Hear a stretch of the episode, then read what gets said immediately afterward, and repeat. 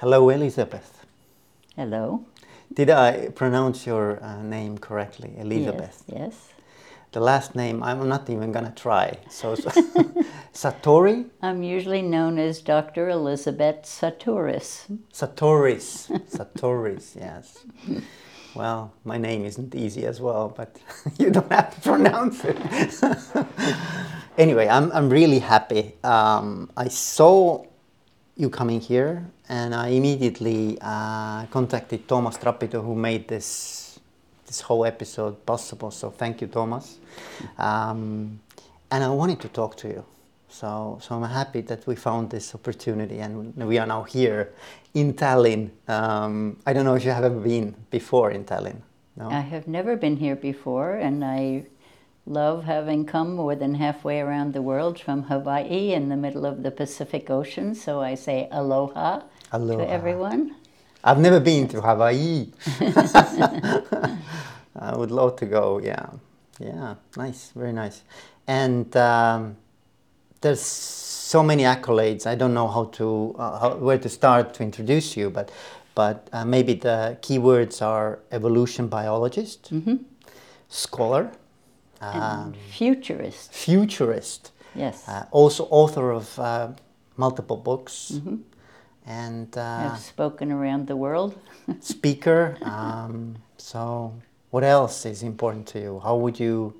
Movies and a very wide variety of venues because I speak, after all, about life. And life is uh, just pervasive, isn't it? We're all alive. So I have spoken uh, everywhere from business schools in Sao Paulo to a tax office in Australia to a fashion conference in Sri Lanka to a religious organization in South Africa. And, you know, it's like that. Uh, people are all interested in learning more about what it means to be alive. And because evolution biology is really the history of the planet for about four billion years, which makes me a deep pastist. Pastist. Right? Mm. A futurist is a better futurist if they're a good pastist. Mm. Because if we know where we've been, we have a better chance of seeing where it's possible to go next. Yeah, yeah. Yeah, it's, that's interesting. Pastist. I've never heard that term. It's my word. okay. I also call myself a cosmic snoop because a snoop is a, like a detective, yeah? Interested in how everything works from the cosmos all the way down to us and to the smaller inhabitants in our guts known as bacteria. So that's the exact reason why I have these pod- podcast episodes. I, I, I want to, I really love to talk to people who are experts in their field and, and uh, you know, learn from them and uh, raise the awareness and consciousness of what is possible. So yes. that is that is my aim. So yes, um, the podcast that I am authoring is about leadership. Mm-hmm. So maybe we can put the whole talk within that context. So thinking about organizations. Yes, very good. And uh, and leadership. Mm-hmm. And uh, and think about these terms within the evolution biology so um, I'm more than sure that most of my uh, audience is not aware what is evolution biology. They might have some idea, mm-hmm. uh, but maybe you can introduce uh, introduce us to this mm-hmm. term. Yes, well, evolution biology is really un- trying to understand the life of our planet uh, from the beginning. And uh, I'm here with Toomas Trapido, um, who has founded a Gaia school. And this term Gaia is the name of an ancient Greek goddess, yes? Uh, her name is Yea in ancient Greek, and or Ye, Yi is the modern Greek word for earth, and she is the earth in Greek. It comes out Yea, and we have, that's in Latin would be geo, G E O, all our words like geography, geonomy, uh, geometry is the measurement of the earth, right? Geology is the history of the minerals of the earth. And so we have these words from that same word, it's all related to that word Gaia, but the word was brought in this modern world into our culture through James Lovelock, who was a uh, um, uh, he was so many things it's hard to pin it down. But he was a wonderful scientist who uh, was working for nasa at a time that they were looking for life on other planets.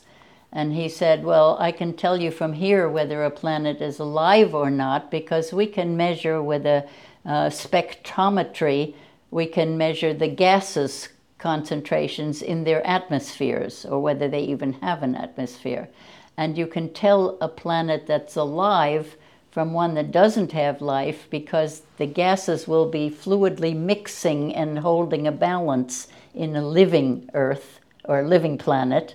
And otherwise, if it's stable and doesn't change at all, then it's a, not a live planet. Hmm. So he brought back this word Gaia to talk about not just Earth, but Earth as a living planet you see. So this is quite different from what our Western science has taught.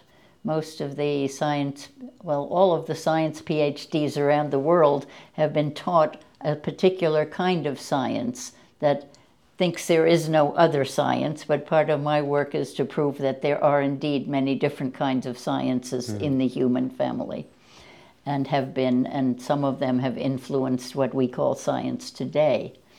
But anyway, the way science, our normal science, mainstream science, talks about Earth, it is a, a geological, non living entity upon which somehow life began mysteriously through time, through Yeah. linear time.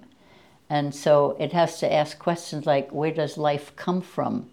And where does consciousness come from? And things like this. But when you see not only our planet as alive, but the entire universe as a living entity, hmm. then you don't have to answer questions like that because consciousness has always been there. And, that, and what the universe does is it lives, it makes living entities constantly. It's a very co creative adventure for everything. And that is the view that I have adopted.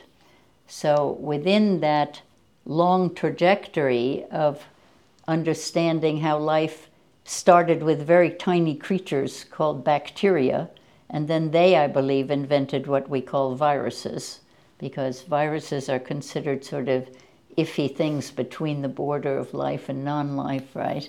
And uh, actually, every one of your cells is spitting out viruses 24 7. And some of them are indistinguishable from the coronavirus we have seen so many pictures of in recent years. And very few people pay attention to that or even know that that is the case. These are all very interesting questions that come up in biology, but the reason it's important to look back is that you can understand the history of life fairly simply by saying it's about 4 billion years of history. And the first 2 billion years were, dev- were entirely devoted to uh, very tiny, tiny things, right? Um, the bacteria, the original bacteria, were fermenting bacteria that ate up the free sugars and acids that were lying around on the, in the biochemistry of the early Earth. And then a second kind evolved when those created global uh, starvation because they ate up all the free food. Yeah. Now, this is interesting because nothing between those bacteria billions of years ago and us has done that kind of damage Hmm. to cause global starvation. We are now into a, an era where there will be a, a lot more global hunger, and nothing in between has ever done that. So that's why it's it's really good to pay attention to these ancient ancestors. So it's like a cycle. It, it's repeating A itself. very long cycle, yeah. Yeah, yeah, yeah, okay. But cycles, absolutely, you're on target there. We we find cycles repeating throughout nature, anyway, the bacteria went through several phases of their own evolution before they, and much of it was competitive, you know, for the food. And then some of them made it, and were they going to get enough? And then they got more high tech, and some of them invented literally electric motors that have rotors and stators and camshafts and all those parts, right? And, and are way more efficient than any motors we've ever made.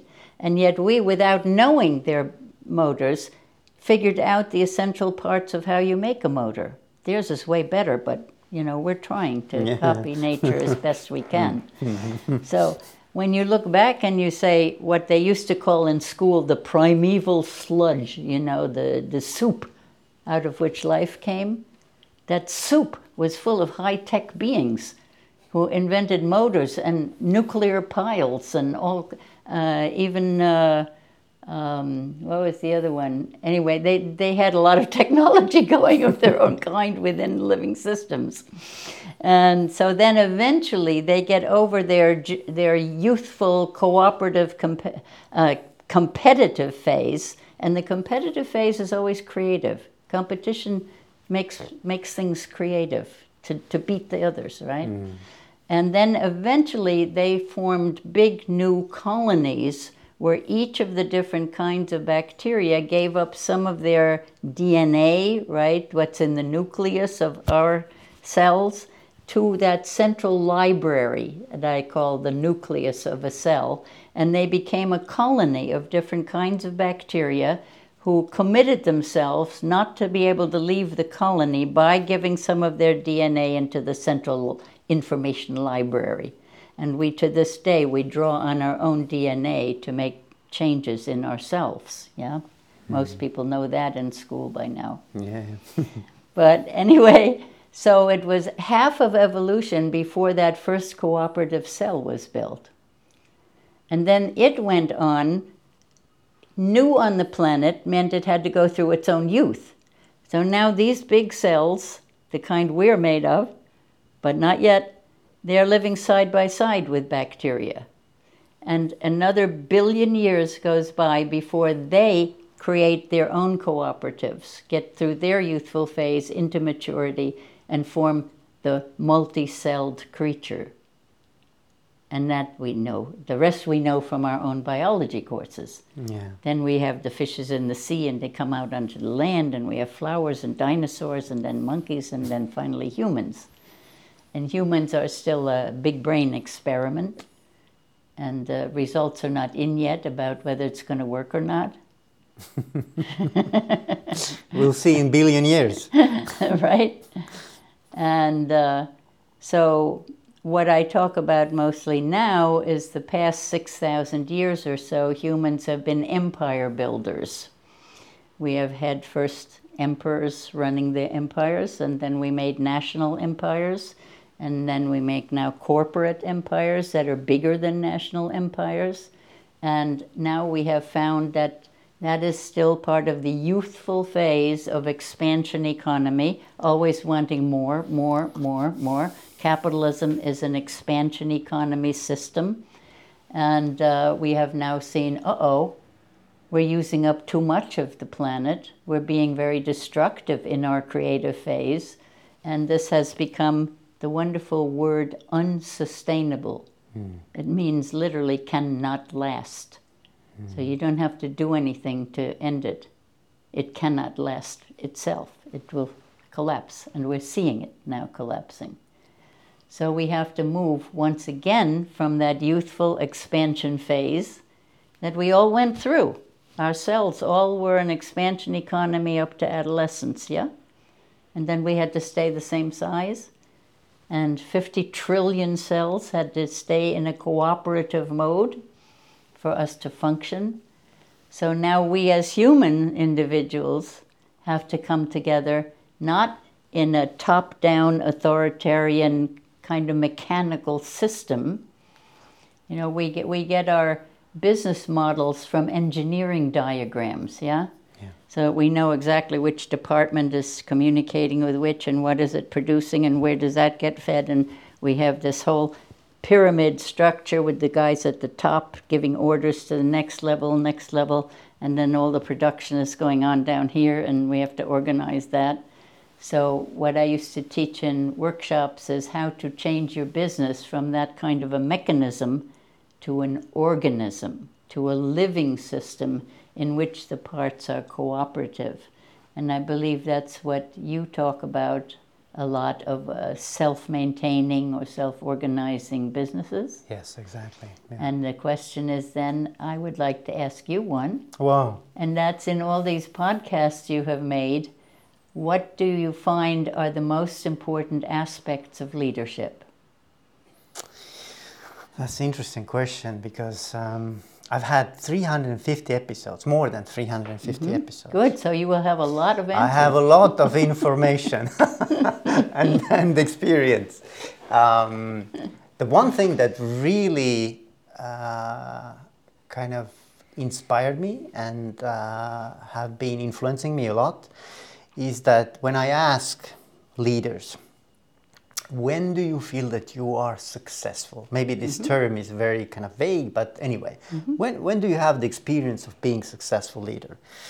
And uh, there has been a pattern, some pattern in that answer. And the pattern is that uh, leaders say that they feel successful when their team is not so dependent on them. So that I think is, is very interesting. So you basically want to increase the autonomy of, of, uh, of the team uh, so that they would be well functioning even if you go, I don't know, you have to go away for months. You know that, you know, they, they still can handle everything. Um, and uh, that's very interesting, I think. Yes, I mean, if you look at an ecosystem or at your own body, who's in charge? Who's the leader in your body? What organ? Is there an organ that you would call a leader in your body? No, I don't think so. You're right. Uh, some people would answer the brain Yeah. yeah. because it's a, was a popular story, and, and not just popular, but science has actually issued this story that the brain is in charge of your body, that that's where the commands come from and the control is exerted. But it's really an information clearinghouse, is the function of the brain. You have the information coming from all the different parts of the body through the nervous system, and the information is all fed up there, and then it's looked at and you know they oh we need a little more hormone somewhere we need a little uh, extra blood there or some there was been an injury uh, and this information gets then distributed through the system but it's not command and control at all and you don't uh, you don't hear uh, any or you can't you can't imagine the liver wanting all the other organs to be like livers right Yeah, yeah. or the heart or any any other Would- organ wouldn't you make know any saying, sense. well i'm the best one and they should all be like me it wouldn't work very well would it and, uh, i like to, to use a little body of uh, a little uh, example of body economics uh, suppose you saw the, the body as our economic system and you said you have the diaphragm in the middle above it are the heart and lungs and below it are the guts and the rest right? And suppose that uh, uh, the body decided um, uh, that the, well the, the raw material blood cells come from all over the bones from bone marrow forms the, the nascent blood cells. And those are all then brought up here and oxygen is added and they're turned into a useful blood product. Now suppose the heart said okay we're going to uh, we have blood available for the rest of the body. Uh, who wants to buy some? Right? And you only send the blood to the organs that can afford it how long would you last in a system? Doesn't system make like sense, that yeah. it doesn't make sense and yet you can call this the northern industrial organs you know the heart lung system and the rest is like the third world where you're exploiting the bone marrow and stuff to, to serve your uh, industrial civilization so you can make the, the comparison but then you see right away that the system that's using is not functional Yeah. so uh, you can see this over and over that we were expansion economy to a certain point and then have to cooperate, that our organs are all in cooperation with each other. Even every cell is constantly negotiating with its organs. Nature is always about individual and collective. So, in our political economic system, we had the Soviet Union was sacrificing the individual to the commune, to the communal good. And what did the capitalists do? They sacrificed community to the individual, right? so the individual was primary. And they don't see that you need both the individual and community. We can see it in a family. Yeah. Yeah. If one person is out of whack, causing trouble, just became a drug addict or whatever, right? The whole family is out of whack. And you have to then put resources into healing that person so that the whole family can function again. So we understand these, these things well at, at a local level, as family level, we understand things. And that's why, why do we teach our children don't call each other names, don't take things away from each other, don't hit each other, play nice, yeah? Mostly, I don't know. Nowadays, I'm told some daddy said, You gotta get stronger so you can punch that guy when he calls you a name. but on the whole, our culture has taught quite nice, be nice. Yeah. And then the children look at television or something and say, How come the grown ups are all calling each other names and taking things away from each other and hitting each other, right? Making war. So it's it's gotten kind of hypocritical that way. yeah, yeah. Uh, so, but we should be operating the way we teach children. We understand in a family why we want them to be cooperative that way. We understand it there. And we can understand it often in our local community too, where we do community service and we help each other. And then, but to get a little bigger than that and it gets lost because the global economy is completely different set of values, right? So it's it's in empire building mode. It's in that youthful mode. It hasn't. We have learned to cooperate at uh, regional levels. Indigenous peoples yeah. did went very far. Some of them in building cooperative tribes that traded peacefully with each other, things like that. The Haudenosaunee League we call the Iroquois in in New York, uh, in the northeast of the United States the whole territory where the founding fathers developed the Constitution was Indian territory that was functioning so well that uh, argument was made recently that the whole European Enlightenment came from the reports the missionaries and traders sent back to Europe about these people living that were savages, supposed to be savages, mm. but they were living better and treating each other better than the people who came in as the conquerors from Europe.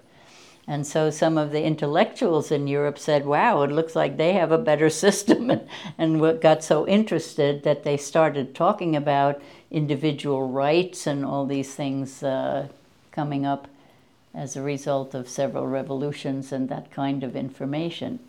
But we've never had, we've now have this challenge of globally becoming global family and how to do that and what is leadership there. Yeah. And when you touched on that, that a leader, a good leader, empowers others.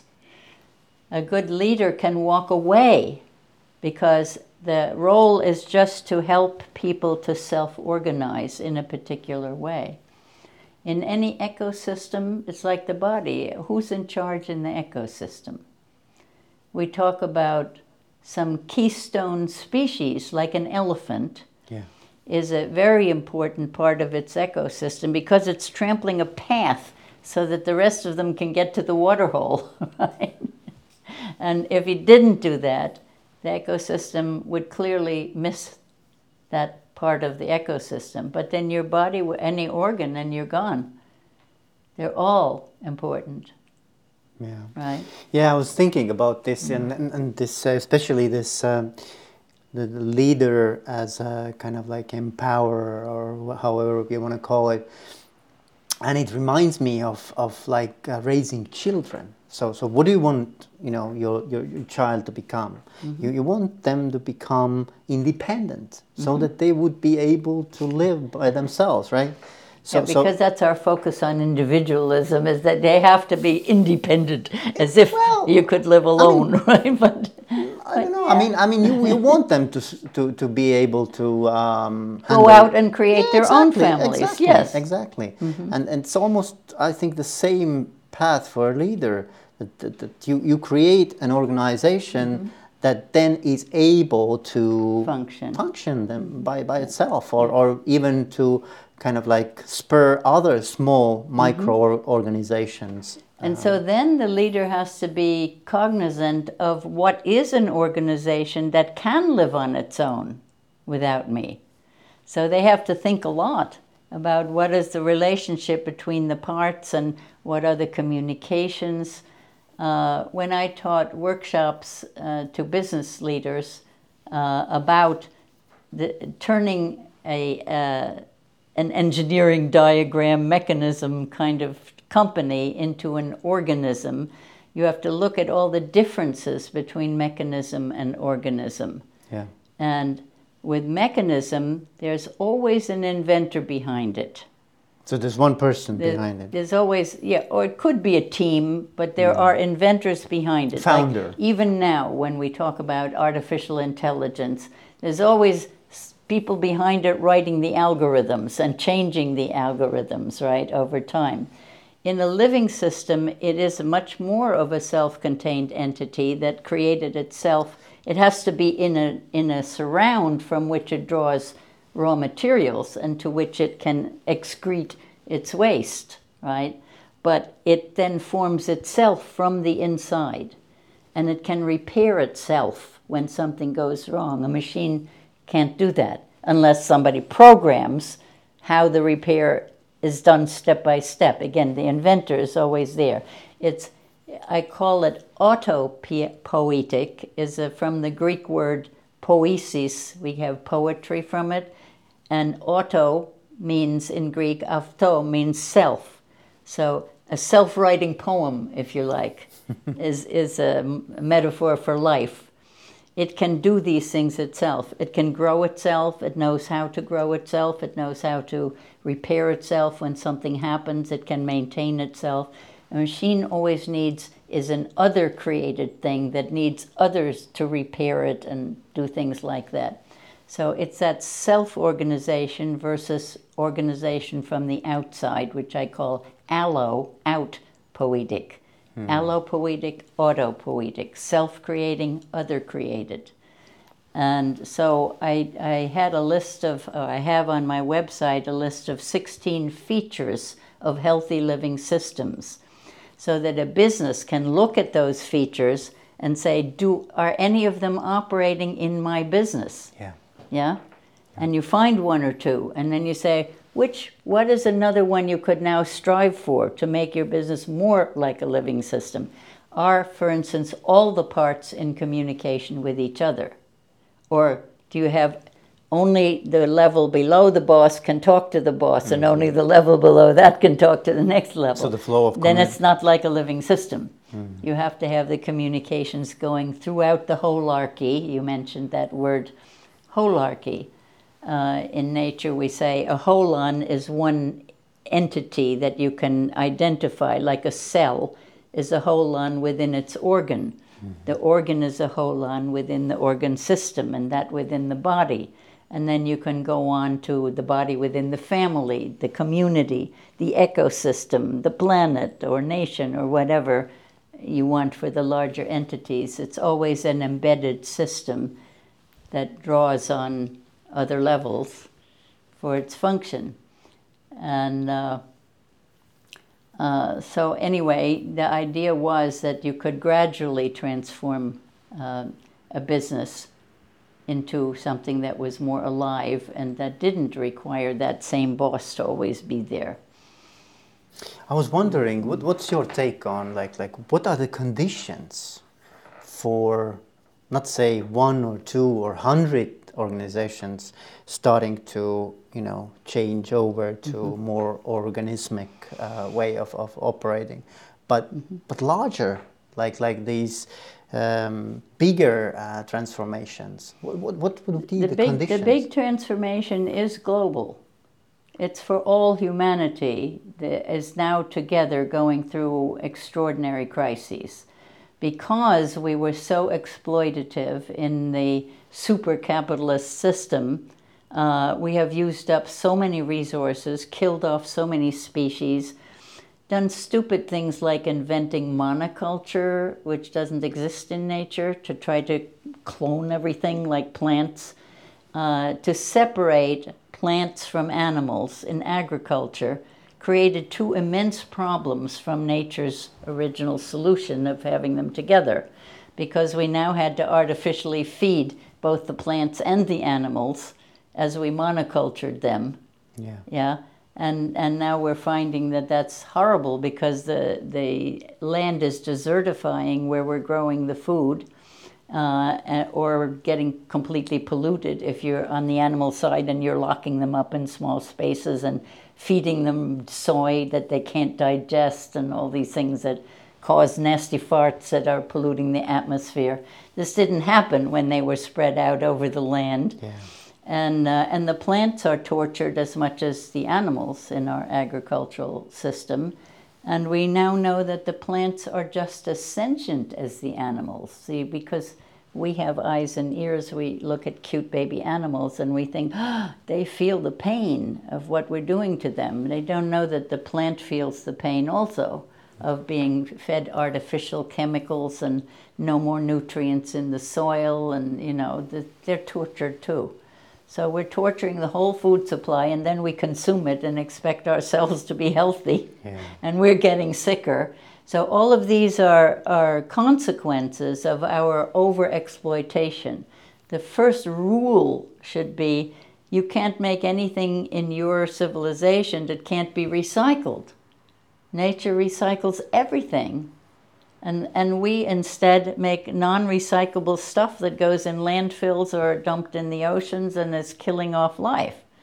So that's a huge error that we made as a failure to understand living systems.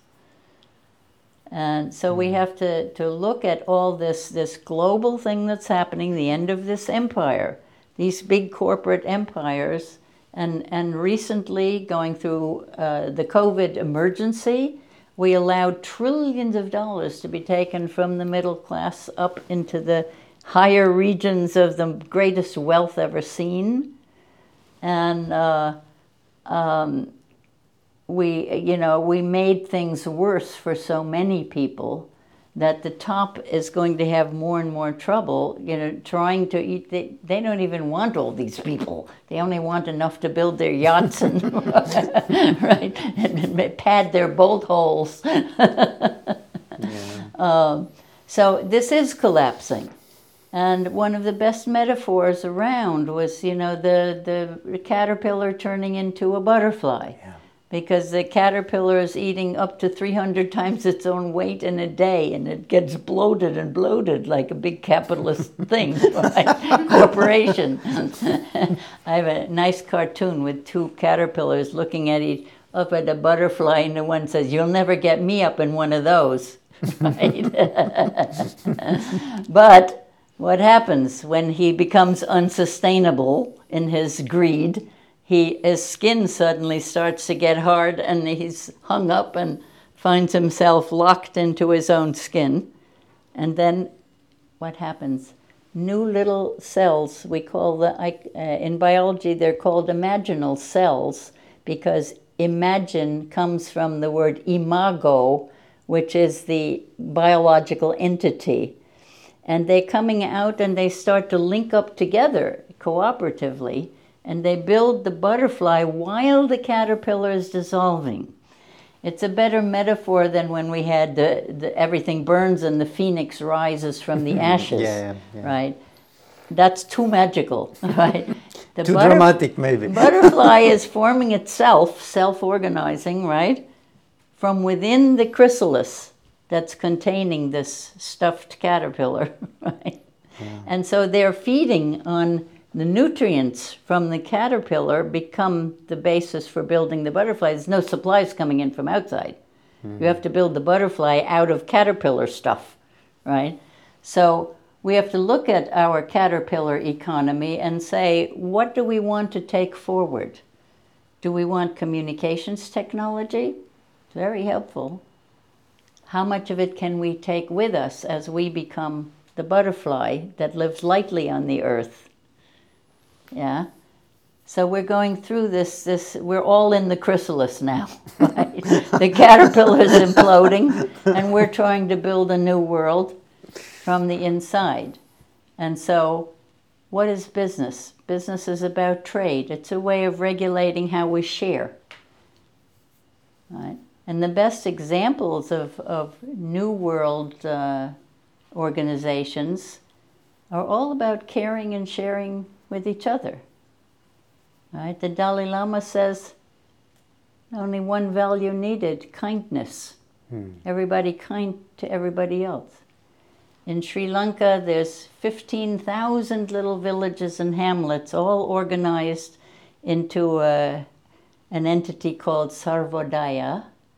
And the little children are taught to meditate on two things inner peace and generosity. Hmm. I'm a peaceful person, what can I give to the others? Imagine a world like that. Not very capitalist, Yeah. not very communist. It's hmm. something else.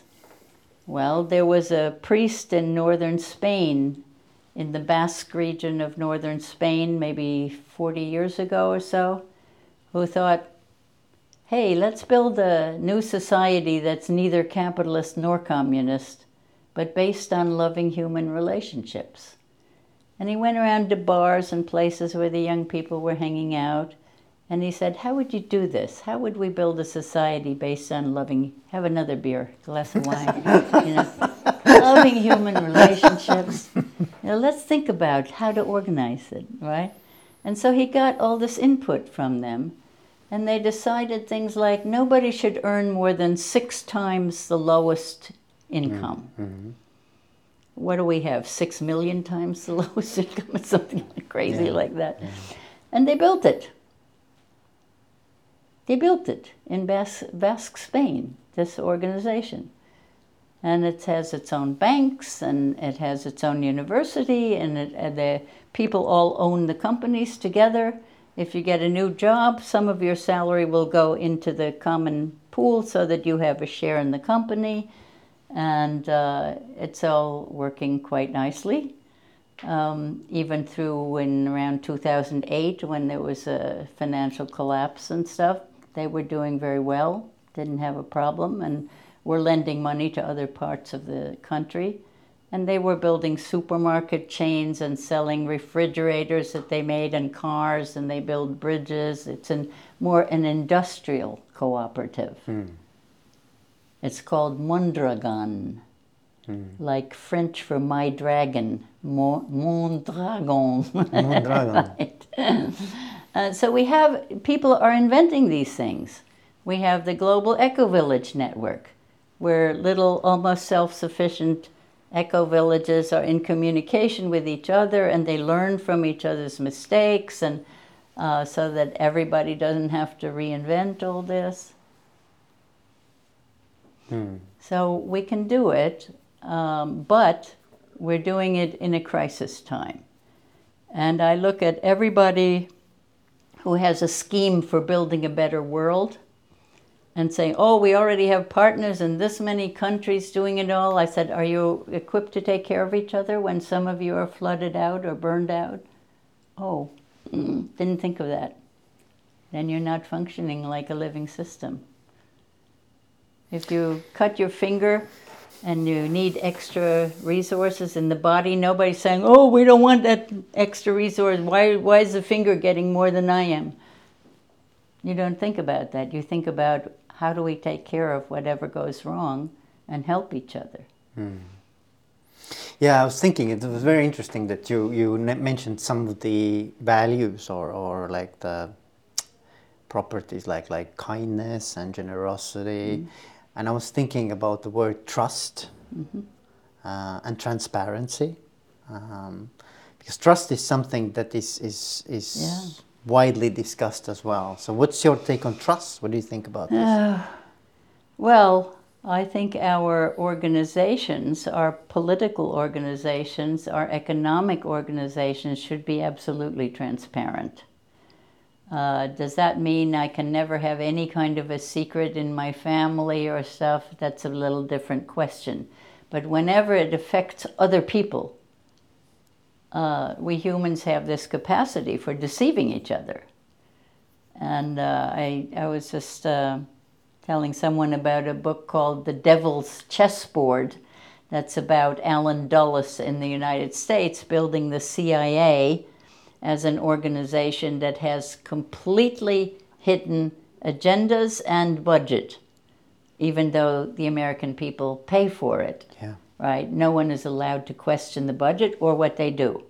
They can go into other countries, they can mess in people's elections, they can take dictators out of power, uh, they can do all of these things, and you're not supposed to know about it. But it's part of your government. That's so yeah, we need a lot more transparency, and and you you the whole world is now watching the United States and what's happening there, and other countries. Israel is now in crisis. Uh, everybody's trying to work out what do you do with these top-down dictator kinds of organizations or individuals, and how do we get into a world of caring and sharing? And what where is there still room for people to have some privacy? Uh, and where do you not allow privacy when it is affecting other people? When your economy is unfair? When your politics are unfair? Uh, one of my favorite i learn all my politics and economics from nature as you've noticed. And the beauty of doing that is people will not argue back that you're wrong now, this is mm-hmm. important because there's there's apparently there's a truth there. We are natural creatures. We are part of our ecosystems. I never talk about the environment anymore because that's an impersonal out there word. It's me and my environment which we have to exploit as long as we can, you know, to do business as usual. We don't want to understand that we cannot do business as usual anymore. We have to change the way we do business. So in Bhutan, they had implemented the happiness Yeah, economy. I know. Yeah, that's And everything is measured by well being. Mm-hmm. It was a way of measuring economies that was literally invented by my friend Hazel Henderson, who died recently, but whose website is called Ethical Markets. Hmm. And every business leader should study that website to see what does it mean ethical markets? How can they are tracking the best companies the ones that are most like what we want to take into the future. You can find them all there and you can see the role models. So we're trying to move into the mature cooperative mode from the youthful competitive mode and it's this cycle of maturation that you noticed earlier was going through all of evolution. We are on that same trajectory. We're trying to move from the hostile competition to creative. There are still some ways of competing, like in the original Olympics, just to drive the excellence, not to say you win and you lose, you know. And Yeah. So Yeah, I was wondering. I mean, even if you look at the, I don't know, green energy companies or you know very innovative kind of technologies that come out to um, like like based upon maybe like the you know fuel cells and stuff Mm-hmm. like that, you still they still have to operate within the same framework. Yeah. I mean, they are still measured how well they are growing. I mean, you mean on, in the stock market. So, so I was just wondering, don't we need a different paradigm to look at the? Absolutely, and people are doing it. I, Okay. I have two friends who have a system called Just Capital that they're working on Wall Street with, mm-hmm. and and I know originally what one of the big companies didn't want anything to do with it, and now they're begging to come into this loop of the companies that are forming the Just Capital group. We have the uh, what's the other one? E e-commerce, not e-commerce to, to identify corporations that are doing good. There's a term for them.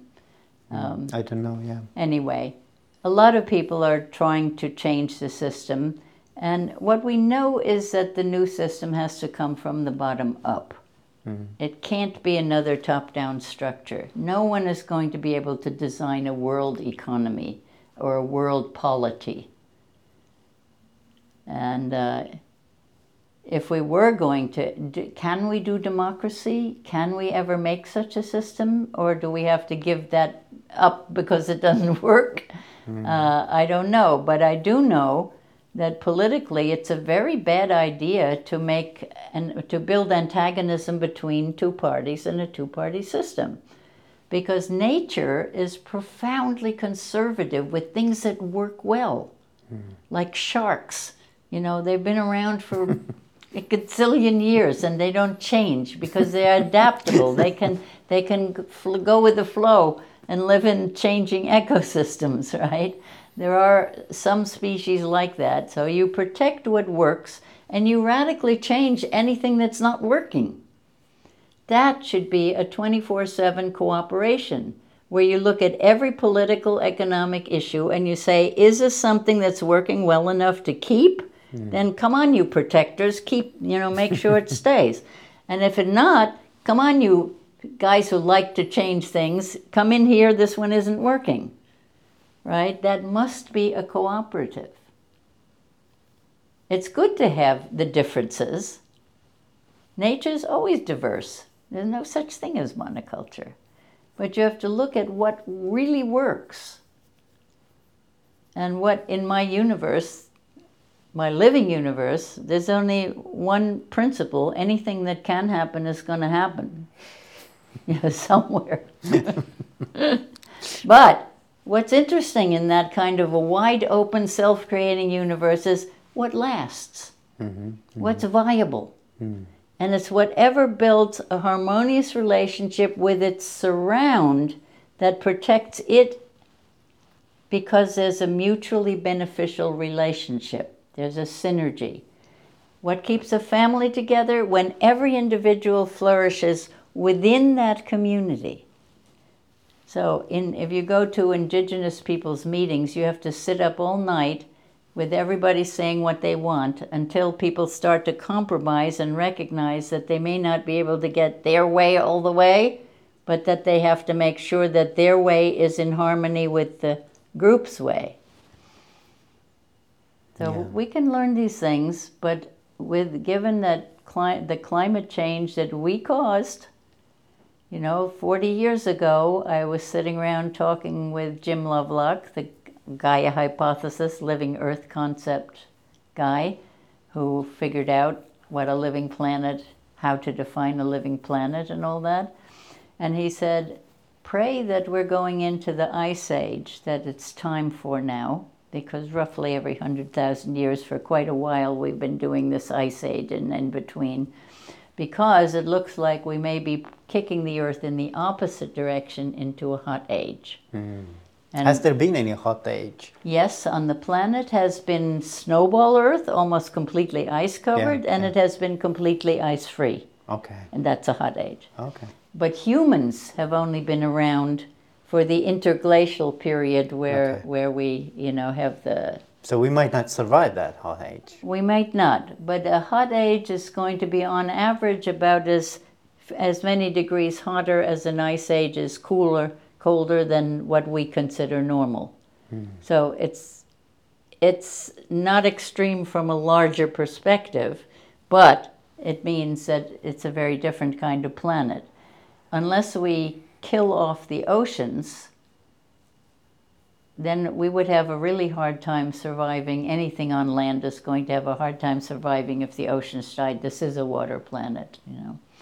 Um, but whether we can survive it or not depends on how much we cooperate to make ourselves comfortable. You know, humans have been living in hot desert for thousands of years, and with very low tech. I went to Morocco once just to learn how they lived comfortably in deserts, you know, with low tech solutions. They made their streets so narrow that the sun only crossed hmm, up Yeah. Very briefly and it mm-hmm. stayed cool under, under because they studied the crevices in mountains and how mm. well that works there mm. with the streams flowing down at the bottom. Yeah. yeah. And then they built the cooling towers that keep whole buildings cool by dropping, uh, putting wet towels in open air towers on top and building the rooms around this open center, the atrium, as we call it in a hotel, right? Okay, yeah. And so the, the cold air, the air flowing through on the hot, wet towels would drop down because it was cooler. So you had an air, cold airflow down the middle, and then you made windows that you could open on the outer walls to let the hot air out. Mm-hmm. And now they're copying that. It was just recently some magazine or something had a big article on how to build such buildings. Mm-hmm. So we're creative. We're a creative species. And So you're uh, an optimist.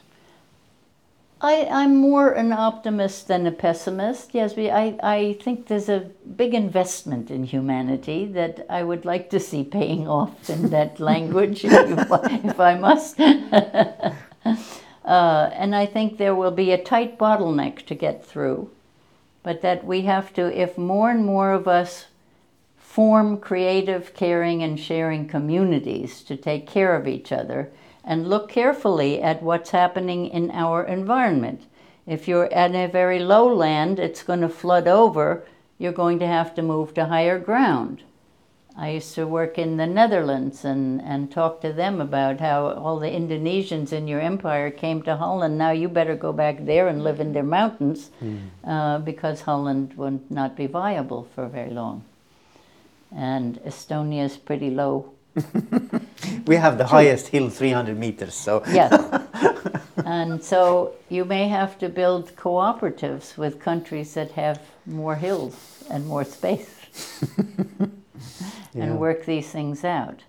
On the real side, that's a practical thing to think about mm-hmm. because it's all going very fast now. Hmm. And so you need the one of the most important qualities of leadership, I think, is being well informed on what's really happening in the world. If you, how can you lead people into the future if you don't know what the problem is? so it's a sense of reality. And if you don't take it seriously, then you can't lead. Um, so there will always be people who have more information. In an indigenous culture, it might be the medicine man who lives at the edge of the community and who monitors what's going on in the in the bush, in the forest. Uh, have his people been killing too many wild pigs? Then you know he will make a rule: no more wild pig eating for the next five years. We need to give them time to replenish. You know, he had the information of what the wider world around how it was suffering from the, the presence of the humans, if it was suffering.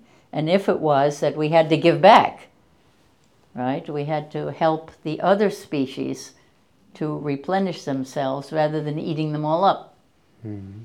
Uh, some cultures did too much damage, cut down too many trees, maybe on Easter Island and places like that.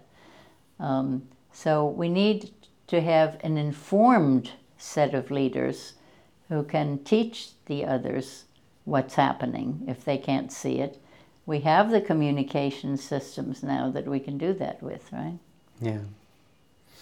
So, what would be your kind of like suggestion or, or like a question or um, a message Mm-hmm. or, or something that you would like my audience or the podcast audience Yeah, to, to I take think away? I uh, I live, as I said, in Hawaii, and I'm working with uh, Pacific wide and native cultures. And one of the things that these navigators taught me uh, was that the way they could always find their way around the earth and stuff was they had many ways of recognizing nature, not just the stars, but sometimes there's clouds for weeks at a time. You can't see the stars. You have to know the swells in the ocean, and you have to know the pattern of fish migration, and you have to know that the waves bounce off islands. And if you see a tern bird, you know they'd only go 50 miles from shore. Uh, clouds form over islands. And then they would say, when all else fails, stand tall in your canoe until you can see your destination. And that means take your consciousness up higher. Okay, have you ever played on a Hawaiian beach during a dull lecture? Can you move your consciousness around like that? You know, we can do it, right? So we have to, when you feel like you're at the bottom of a dark well, my, my civilization is collapsing, things are hopeless, the fire's burning, the floods are happening, is that what can I do? Take your consciousness up high enough so you can look at the whole human drama playing out down there. And then don't waste your time judging the bad stuff, but discern what's going on. Where's this pattern going? Where's that? What is that war doing to us? What is this company doing? You know, and then find out what makes your heart sing. What do you like to do? Compose music? F- fix computers? Cook? Bake? Feed people? Babysit? You know, there's a gazillion things whatever you're good at, what you like to do, look down and see where are people like me doing something interesting to join with, you know, to be with other people. Don't try to be alone trying to fix the world. And so you find out who are the compatible people and where is that flow that I can comfortably go into because I know something about writing songs or whatever I want to do.